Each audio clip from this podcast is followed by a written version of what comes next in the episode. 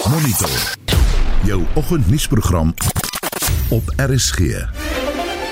En vanoggend se program reaksie op die matriekuitslae.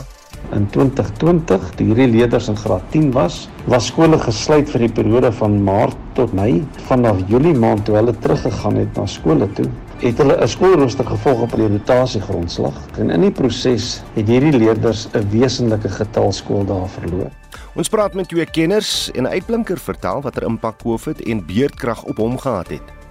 Ek hou daarvan om gestimuleer te word deur saam met vriende te wees, om aktief te wees, dinge te doen en dit was natuurlik baie moeilik vir my om dit te doen in die inperking. So ek dink my fokus het bietjie geskuif. Ek het dit moeilik gevind om op daai stadium myself te motiveer. Die benede Oranje rivier streek verwag 'n groot inkrimping in sy tafeldryfoes. Met die ongelooflike hitte wat ons gehad het gedurende Oktober maand plus November, het van die vrugte gespeen en, en nie ontwikkel soos dit moes ontwikkel het. So dis die afnames. Tans staan ons op 28% ligter op die oes. En Willem Botha praat vanoggend oor die verband tussen onwelriekende voete, stinkryk en stinkstorie. Welkom by Monitor. Die span vanoggend is redakteur Wessel Pretorius, ons produksieregisseur is JD Labeskagni en ek is Oudou Karelse.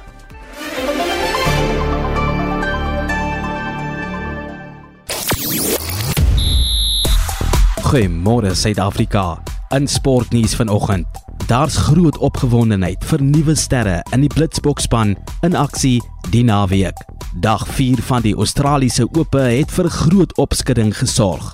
Indië se vroue klop die Momentum Protea vroue in die openingswedstryd van hul T20 reeks. En Sunrisers Eastern Cape klop die Parel Royals op Boland Park. Ek's later terug met die volledige bulletin. Dis Christo Gawie vir RSG Sport.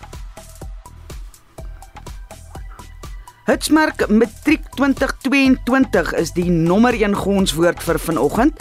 En dit is net hoendervel lekker om te sien hoe word die matrikulante van reg oor die land geluk gewens. Gaan kyk bietjie na al die fotos van trotse ouers en hul matrikulante veral in ver afgeleë gebiede. Baie geluk aan my jongste sussie met 5 onderskeidings skryf 'n gebruiker. Sy kon nie in 2021 matriek voltooi nie weens angs en erge depressie, maar sy het dit nou reg gekry. Sy het die stryd aangepak en gewen. Wel ons wil by Matrix weet, is jy tevrede met jou uitslae? Watter impak het COVID en beerdkrag op jou hoërskoolloopbaan gehad en wat is jou planne vir vanjaar?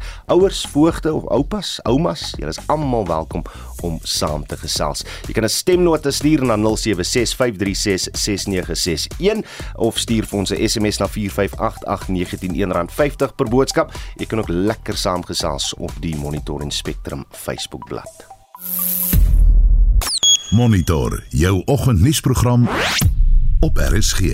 Die minister van basiese onderwys, Angie Motshega, het gisteraand in Johannesburg bekend gemaak dat die slaagsyfer vir die 2022 matriek eindeksamen 80,1% is. Dit is 3,7 persentasiepunte beter as die 2021 slaagsyfer wat 76,4% was. The 2022 NEC exam pass rate has reached 80.1%. the second highest since 2019, which is an improvement of 3.7% from last year. The number of bachelor passes has increased, it's an improvement of 8.9%. The number of diploma passes has improved. Die Vrystaat was vir die tweede agtereenvolgende jaar die beste provinsie met 'n slagsyfer van 88,5%. Gauteng het die meeste kandidate met universiteit vrystelling opgelewer. 43,4% van sy matrikulante het met universiteit vrystelling geslaag. KwaZulu-Natal het die grootste verbetering in die matriekslaagsyfer getoon met 'n sprong van 6,2 persentasiepunte tot 83% teenoor die vorige, vorige jaar. Die beter syfer volg ten spyte van groot terugslae insluit insluitend oorstromings wat die provinsie verlede jaar ondervind het. It had the biggest improvement at 6.2% from last year, which put them at 83%. The Western Cape comes next at 81.4%, again with an increase of 0.2% from last year. Northwest has also improved with 1.6%, which puts Northwest at 79.8. The third best improved province is the Eastern Cape, It has achieved 77.3%, which is an improvement of 4.2%. In Pumalanga, achieved 76.8%, which is an increase of 2.9%. en dit dan die stem van uh, basiese onderwysminister Angie Motshega. Ons praat nou met Dr. François Nudee, 'n onafhanklike onderwyskonsultant en stigter van Stay Super om 'n uh, bietjie ontleding te gee op hierdie syfers vir die jaar. François, goeiemôre. Goeiemôre Oudo. Die DIAS sê die werklike slagsyfer behoort 54,6% te wees en nie 80,1% nie. In 'n netedop verduidelik net weer ons nou in die nuus gehoor, maar verduidelik net weer hoe hulle dit bereken en, en wat jou mening is oor die punt wat hulle maak. Onthou daar's twee verskillende statistieke waarna ons moet kyk. In die eerste plek is daar die matriekslaagsyfer. Dit is die 80% waarvan die minister praat. Dit hoe ons dit uitwerk is die aantal graad 12s wat inskryf vir die eksamen en dan gemeet teenoor die totale graad 12s wat die eksamen deurkom, daarom kry ons die 80%. Maar as ons kyk na die deurvoersyfer, dan kyk jy na uh hoeveel leerders het ingeskryf vir graad 1 en dan hoeveel van hulle het die eksamen deurgekom en toe hierdie leerders in graad 1 was, was daar 1.2 miljoen leerders gewees en ons kyk na so 640 000 van hulle wat die uh graad 12 eindeksamen deurgekom het en dis hoe mense dan by die uh, 54% uh, deurvoersyfer uitkom. En jou mening daaroor? Dit is elke jaar is dit die uitdaging. Dit lyk baie beter as wat dit in die verlede gelyk het. Um en ons moet dink ondanks uitdagings soos COVID-19, die beerdkrag, die um dienslewering al ten spyte van al hierdie is daar steeds 'n verbetering. Dis nog nie genoeg nie. Ons kan nie met uh, wat amper 500 000 amper 600 000 uh, 18 jarige sit wat nie die skool uh, kurrikulum of die skoolloopbaan voltooi het nie. Die klas sedert 2020 het reeds baie uitdagings gehad, soos, soos jy nou net gesê het, uh, toe die COVID-19 pandemie begin het. Uh, hierdie uitvalsyfer uh, dis seker uh, een manier om om te meet wat die impak van die pandemie op die matriekklas van 2022 is of nie. Dit is dit is moeilik om te sê want jy kan dit nie vergelyk met die ander jare nie omdat ehm um, daar 'n verbetering is in die deurvoersyfer. So as mense regtig uh, wil sê dan lyk dit of die COVID-19 pandemie en ander uitdagings 'n goeie impak gehad het, want miskien het ons wakker geword en agtergekom wat regtig saak maak.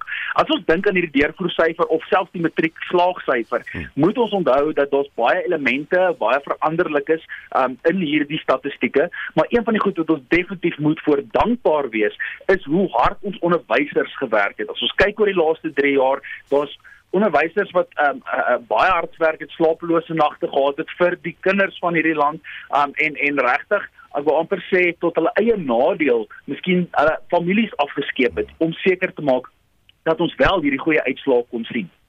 Wat se terugvoer kry jy oor die uitwerking wat van beerkrag uit die onderwyssektor?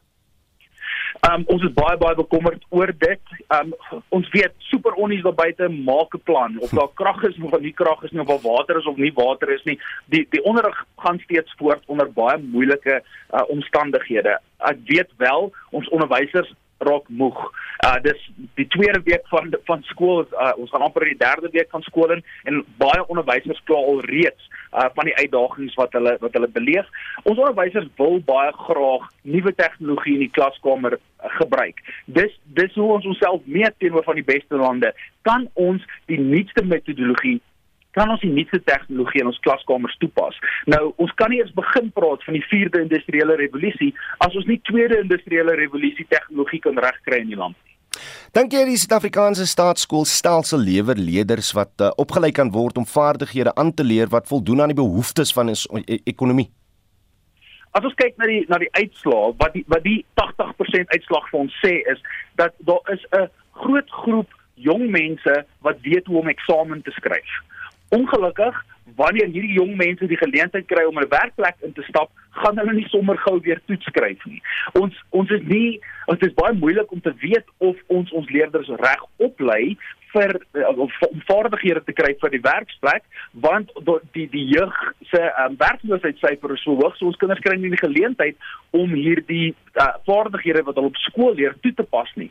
Um, ek weet daar is skole en daar's onderwysers wat hard werk om nie net weet uit die handboek uit te lees en die inhoud van die kurrikulum te leer nie, maar die vaardighede en die waardes wat saam met dit gaan te probeer installeer. Maar dit is verskriklik moeilik om te weet um of die onderrigstelsel regtig gerad is om ons kinders op te lei vir hierdie vinnige veranderende toekoms. So nou uh, net in die vorige inset uh, beskryf hoe Gauteng die meeste kandidate met universiteit vrystelling opgelewer het. 43,4% van sy matrikulante het met uh, vrystelling geslaag. Is dit te maklik om by ons universiteite te swat? Dit is baie moeilik om te sê. Kyk, daar's daar's universiteite en dan is daar universiteite en daar's kursusse en modules en dan is daar ook ander kursusse en modules. Hmm. Die ons dis dis nie so maklik om by 'n universiteit in te kom nie. Ons sien meerderheid van ons universiteite, ons onthou 'n klompie jare terug wat by die Universiteit van Johannesburg gebeur het, omdat daar soveel leerders is wat met vrystelling deurkom dat ons universiteite uh uh um, geoorvloed word met aansoeke. So ons moet ons moet dink daaraan dat daar ander maniere is vir ons leerders om 'n tersiêre kwalifikasie op te kan doen en ek dink daai is baie belangrik dat ons nie net fokus op universiteite en dat die universiteitsgraad hierdie hierdie pinnacle moet wees van wat ons leerders na moet streef nie. Ons sien ook dis verskriklik toksies wanneer ouers hulle kinders forceer ja. om op universiteit te kom dat hulle moet grade kry want wat dan gebeur is sodra hulle die graad het, moet hulle die res van die familie ondersteun. Um en en ek dink dis 'n baie toksiese manier om om uh, jou kind onder druk te sit. In jou mening werk hoër onderwys nou genoeg saam met basiese onderwys?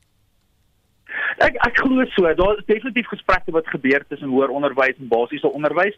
Um daar's dit daar's gereeld forums waar veral op universiteitsvlak waar ons uh, dosente en ons navorsers vir albei die fakulteite van on, van van onderwys nou saamwerk met die departement van onderwys. Natuurlik kan dit altyd beter gaan.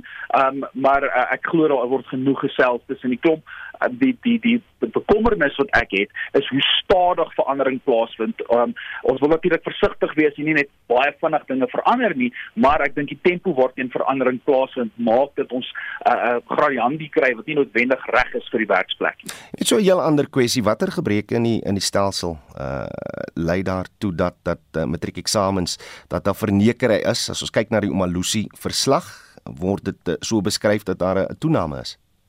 Ja, So wanneer 'n kind voel dat hy moet verneek om beter punte te kry, moet ons eintlik bietjie terugstaan en vir onsself vra hoe lyk die verwagtinge van die samelewing, hoe lyk die verwagtinge van die onderwysstelsel? Wanneer iemand voel hulle moet verneek, beteken dit dat hulle dat die samelewing plaas 'n baie groot belang op die uitslag van 'n toets. Maar wat het geword van die belang van leer?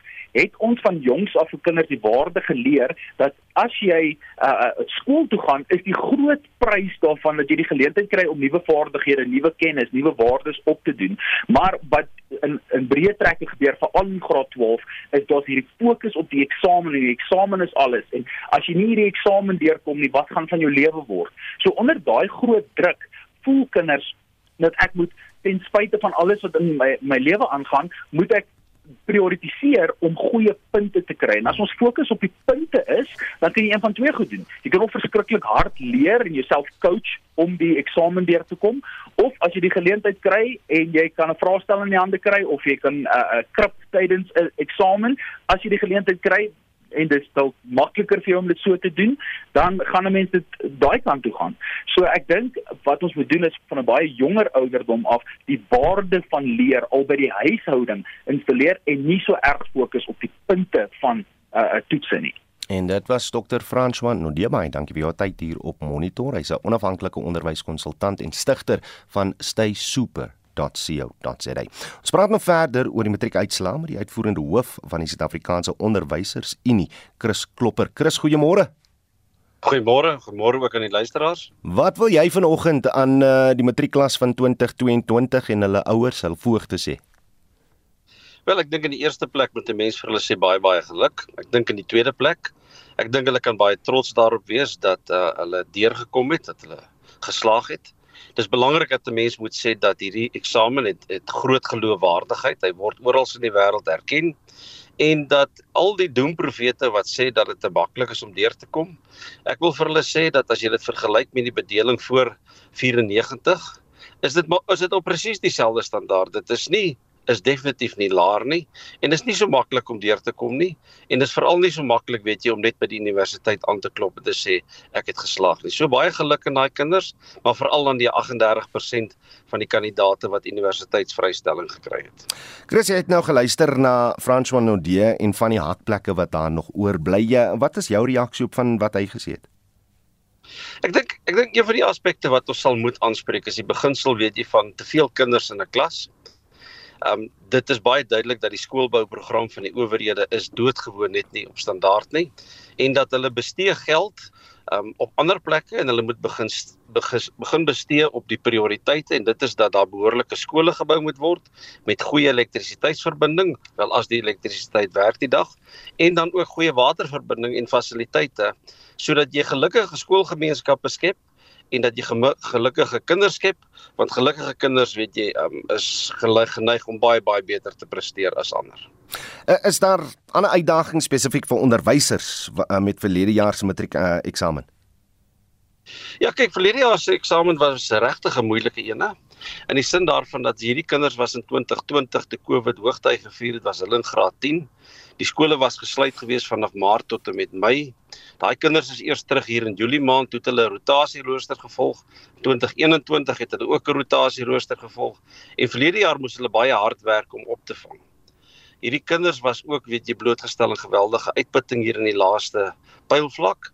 En ons advies sal wees dat hulle vanaf die eerste dag wat die skole begin moet daar eerder weet jy 'n stelselmatige en en en 'n deurlopende harde werk wees in plaas van om alles te los vir die laaste pylvlak want dan put jy net mense uit en jy maak hulle angstig.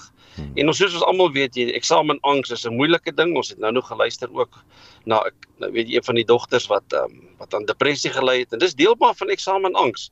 En as jy kinders selfvertroue leer en jy leer hulle daai selfvertroue vanaf die grondslagfase, dan gaan dit net soveel beter met die kinders later in in graad 12 en ook later op universiteit. Wat kan die departement doen om die lewens van onderwysers te vergemaklik?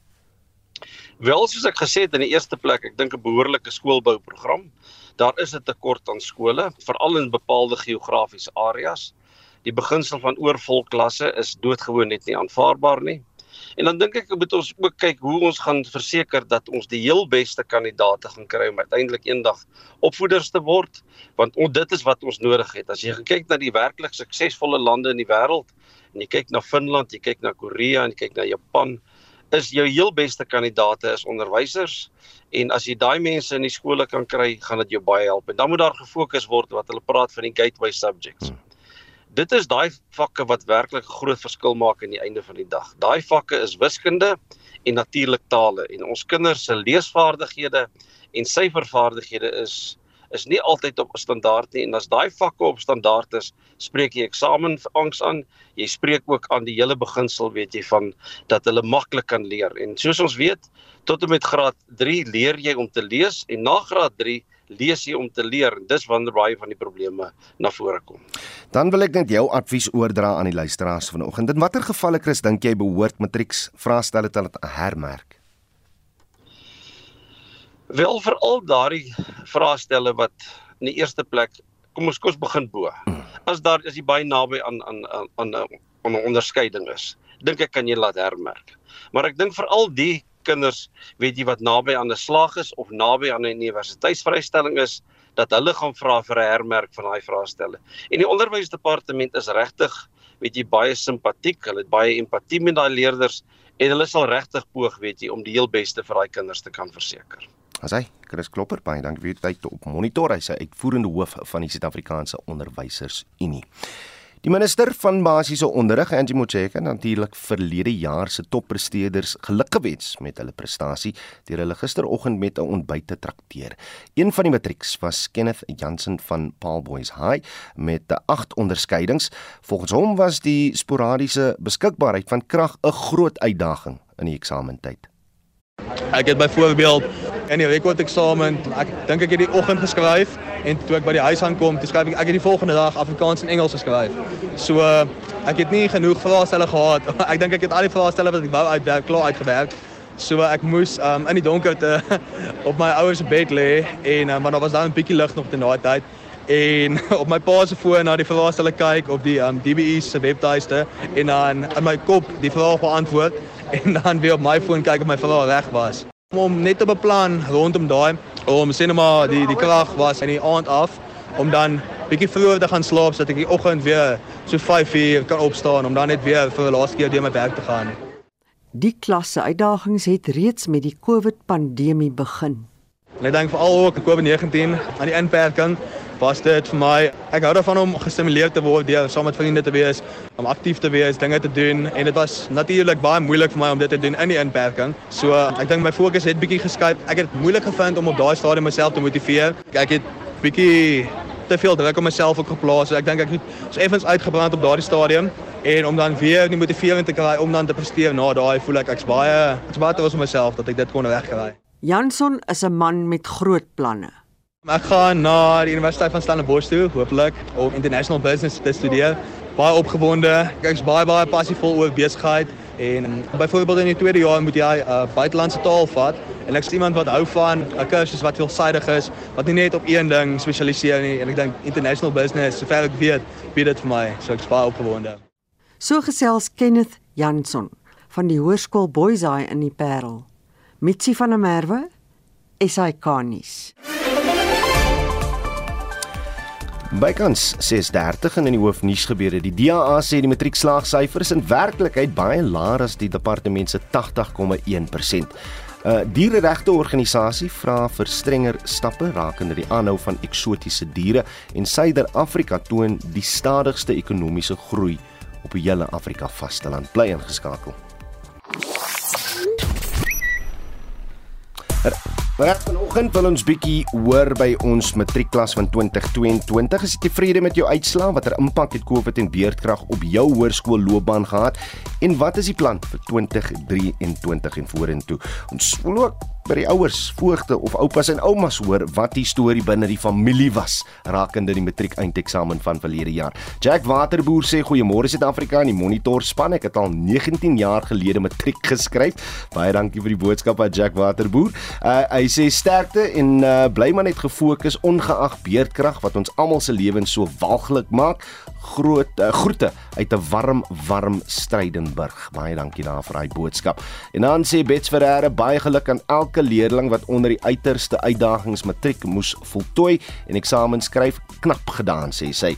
En Willem Jumat sê uh, baie geluk aan elke leerling wat onder die uitdagings alles moontlik gemaak het en deurgedruk het. Al wat ek kan sê is wel gedaan. Hou so aan, jy is 'n oorwinnaar want jy en God het dit deurgemaak. Hy het jou hand op jou.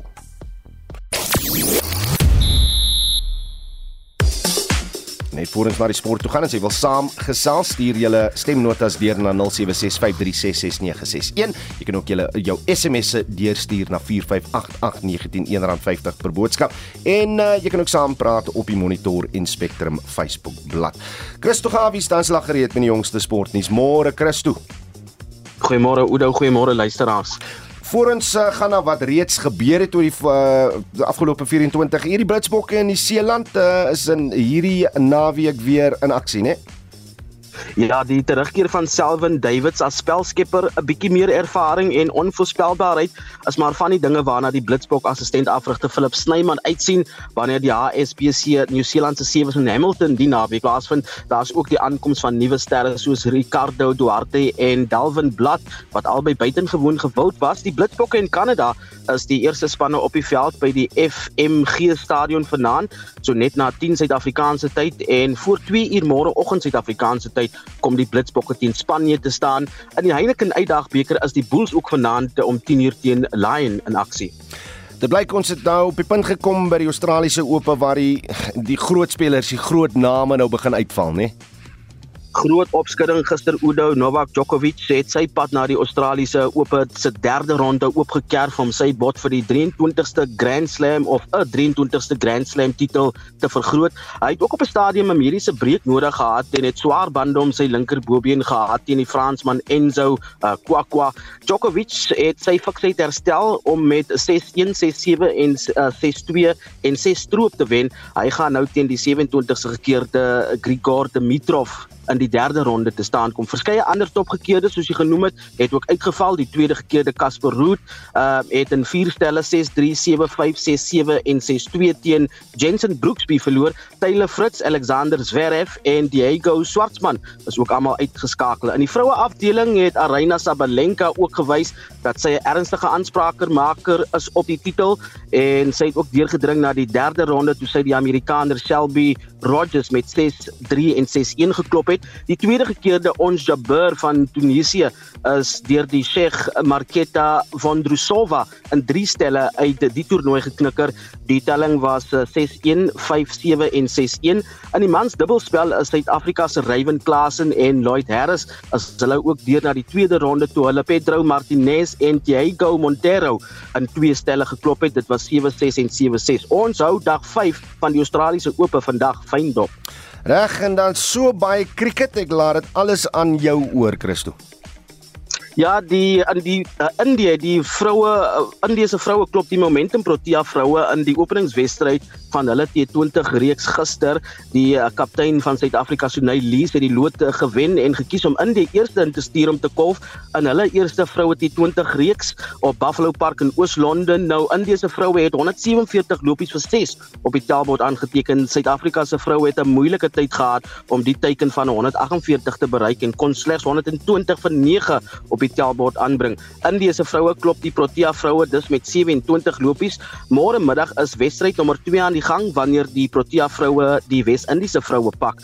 By die vroue onder 19 T20 Wêreldbeker in Potchefstroom het Pakistan se onder 19 vroue Zimbabwe vroue gister met 10 paaltjies geklop nadat hulle die teiken van 98 gestel deur Zimbabwe vroue in die 10de bilbeerd bereik het met nog meer as 50 balle oor. Nieu-Seeland se vroue het Wes-Indiese vroue met 10 paaltjies geklop uit uitspelwedstryde begin vandag wanneer die FSA se onder 19 vroue die van Skotland vanaand om 10 voor uh, namiddag pak. Suid-Afrika se onder 19 vroue is weer môre middag net voor 2 teen Bangladesh in aksie wat op uh, die SABC se sportkanaal ook dan gesien word. En nog cricket, uh, natuurlik Sunrisers Eastern Cape het die Parel Royals gisteraand op Boland Park in die Parel in hulle SA20 wedstryd tot 127 vir 7 beperk. Nou Sunrisers het die teiken bereik in die 18de bil weer toe hulle 131 vir 5 op die tellbord aangeteken het en die wedstryd met 5 paaltjies beklink het. Vanmiddag om 06:30 is Durban se Super Giants teen Pretoria Capital Slags.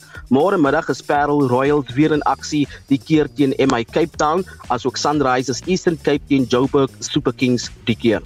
Christo Gawie daar van RSG Sport.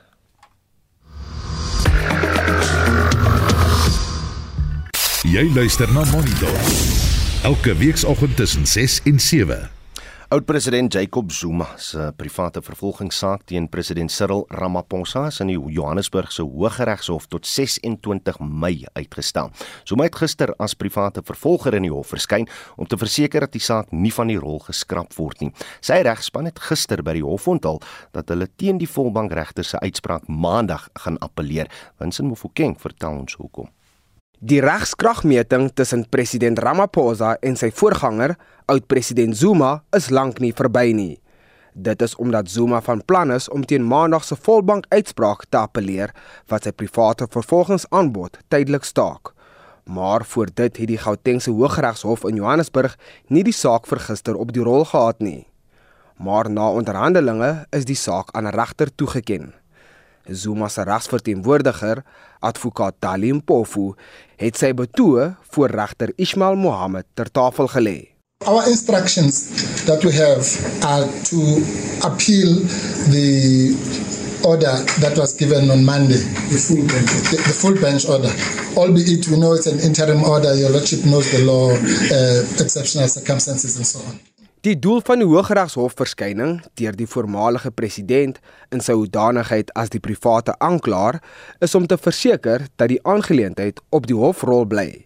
Zuma probeer die president aankla omdat hy na bewering versuim het om op te tree oor die beweerde openbaarmaking van Zuma se gesondheidsrekords. Aldus die woordvoerder van die JG Zuma stigting, Mzwanele Manyi. We've got a clear way forward that uh, on the 26th of May, the criminal court will be sitting again. And by that time, we hope that uh, technicalities about knowledge prosecute certificates, about defectiveness or not of the summons would have been cleared. So the next date for these criminal proceedings is the 26th of, of May. Die aangeleentheid vir private vervolging is daarna tot 26 Mei uitgestel. President Ramaphosa se hofuitdaging oor die geldigheid van die private vervolging self sal op 17 en 18 Mei 2023 in die siviele hof aangehoor word. Die verslag deur Abongile Dumako. Ek is Vincent Mufokeng vir SAK nuus.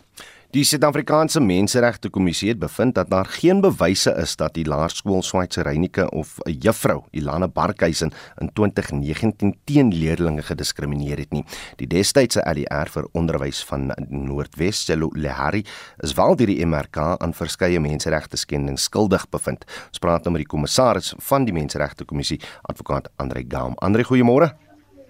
Môre Oudo. Skets net môre aan die luisteraars. Daar sê daar sê. Skets eers net vir ons die agtergrond van die saak. Ja, die insident by die uh, Laerskool Swazirenike het betrekking op die openbare verspreiding van 'n foto waarop vier swart leerders en 18 wit leerders by aparte tafels in 'n klaskamer by die skool sit dit het natuurlik groot openbare reaksie ontlok en baie het die insident as rassisties gebrandmerk. En lede van die publiek sekere politieke partye het ook by die skool betoog omdat uh, teen uh, wel betoog teen wat hulle as uh, rasse segregasie rasse skeiding beskou het Nou vroeër het die arbeidshof beslis dat uh, hierdie juffrou Barkhuizen bygestaan deur solidariteit uh, se skorsing onwettig was omdat sy geskort is nog voordat sy die konteks van die foto kon verduidelik. Wat was julle bevinding wat Barkhuizen en die skool uh, aanbetref? Ja, wel wat uh, my Barkhuizen betref het ons bevind dat ehm um, sy nie die onderwyser was wat verantwoordelik was vir die klas wat die foto geneem is nie. Sy het 'n uh, dood eenvoudige foto van haar eie klas geneem en 'n foto van die ander klas, die ene waarin die uh, leerders so uitgebeeld is en dit toe uh, op 'n WhatsApp groep aan die ouers uh, wat betrokke is by die kinders by die twee klasse die ouers van die kinders uh, versprei. So sy was hoegenaamd nie eens betrokke by die reëling met betrekking tot hoe die leerdlinge uh vir 'n kort rukkie gesit het in die ander klas nie. Hmm. En en wat was julle bevinding oor die destydse LER vir onderwys van Noordwes Selolehari?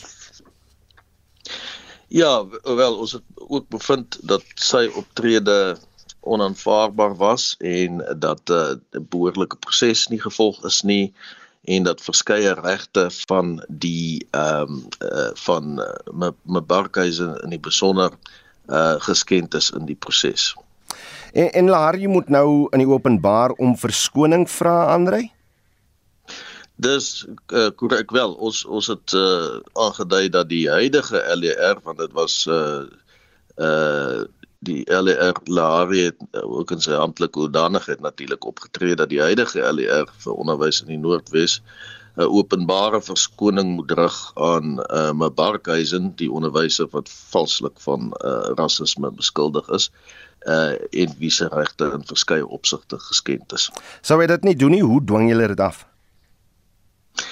Wel uiteraard sal uh ons die hof kan nader indien uh ons direktiewe wat ons uitgereik het nie gevolg word nie.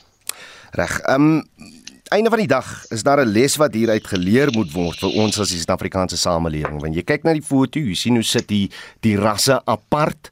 Maar maar wat leer ons uit hierdie storie uit uit hierdie les? Want as dat daar's 'n sekere konteks wat wat nou nie rassisties is nie of hoe.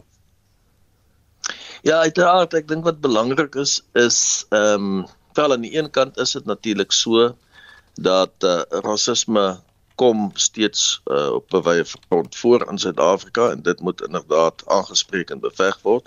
Aan die ander kant moet mense ook nie uh, onmiddellik tot bepaalde gevolgtrekkings kom nie. Uh die die feite uiteindelik spreek vir wat werklik gebeur het en wat die waarheid is en dit is inderdaad wat ons nou ook uh, bekyk het en tot 'n bevinding gekom het daaroor. Uh so terwyl rasisme aan die een kant beveg moet word en die menseregte kommissie sterk sal optree waar daar gevalle van onbillike diskriminasie is, is dit ook so dat uh almal nie links en regs van rasisme beskuldig moet word uh sonder meer nie. Maar hoe spreek die feite oor die feit dat hierdie kinders apart gesit het? Ja, die die kommissie het bevind dat alhoewel die skool se optrede om die swart en wit leerders te skei op diskriminasie neergekom het, dit nie onbillike diskriminasie was nie. Dit is so omdat die sitreëling soos uit die foto blyk nie vir langer as 10 minute geduur het nie. En 'n ander foto wat geneem is uh, kort na die aanvanklike een daarop dui dat die swart en wit leerders by dieselfde tafel sit. Die aard en die omvang van die diskriminasie was dus beperk tot 'n baie klein deeltjie van die eerste skooldag. Maar baie belangrik uh, het ons ondersoek ook bevind uh dat die insident nie die menswaardigheid van die leerders ter sprake benadeel het of enige ander negatiewe impak op hulle gehad het nie. Die leerders het ook uh, kort daarna volledig geïntegreer en doen goed akademies en in verskeie sportsoorte. So een van die groot uh, redes hoekom die kommissie uiteindelik bevind het dat uh, die ehm um, diskriminasie nie onbillik was nie en dit is wat ons grondwet vereis aangedui moet word onbillike diskriminasie. Ehm um, is dit so dat uh veral omdat ons kon bevind dat die menswaardigheid van die leerders nie aangetast is en dat daar nie 'n negatiewe impak op hulle was nie kon ons bevind dat daar nie onbillike diskriminasie was en dit was advokaat Andre Gam die kommissaris van die Suid-Afrikaanse Menseregte Kommissie Die polisie in Mpumalanga het tik met 'n straatwaarde van 53 miljoen rand by Kaap Meiden naby Nkomazi tolplaza op die N4 gevind. Twee Mosambiekse burgers is in verband met die fonds by die tolplaza vasgetrek. Brigadier Sabi Mohlala sê hulle sal in aanhouding bly tot hulle weer in die hof moet verskyn. Die polisie sê die twee verdagtes was met 'n voertuig met 'n Gautengse registrasienommer van Mosambiek onderweg na Gauteng. 'n Snuffelhond van die hondeeenheid het die dwalm uitgesniffel wat in 53 sakke in panele van 'n voertuig versteek was. Altes Brigadier Mohlala. Who uh, you know conducting operations on Tuesday whereby they managed to arrest two uh, Mozambican suspects and uh, they were found in possession of 53 kilogram of uh, crystal meth that was about uh, 53 million rand to the street value.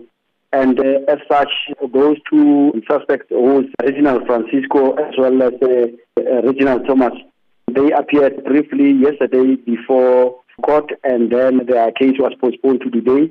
And today they appeared again at uh, Law Creek, and their case has been postponed to the 26th of January, pending the investigation. Die polisie sê die twee verdagtes het reeds in hof verskyn en bly in aanhouding. Hulle sal op 26 Januarie weer in Louws Creek se Landroshof verskyn.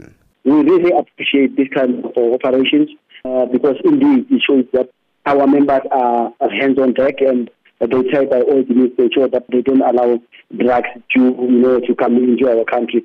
But the vehicle that was stopped it was coming from the side of Mozambique towards the direction of Johannesburg.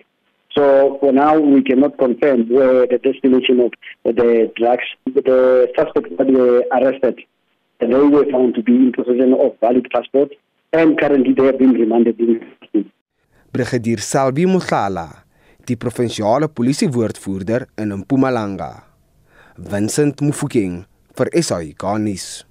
Suid-Afrika se druiweoes gaan na verwagting van jaar met 15% krimp. Die Suid-Afrikaanse tafeldryfbedryf kortweg SATI skryf dit toe aan swak weerstoestande.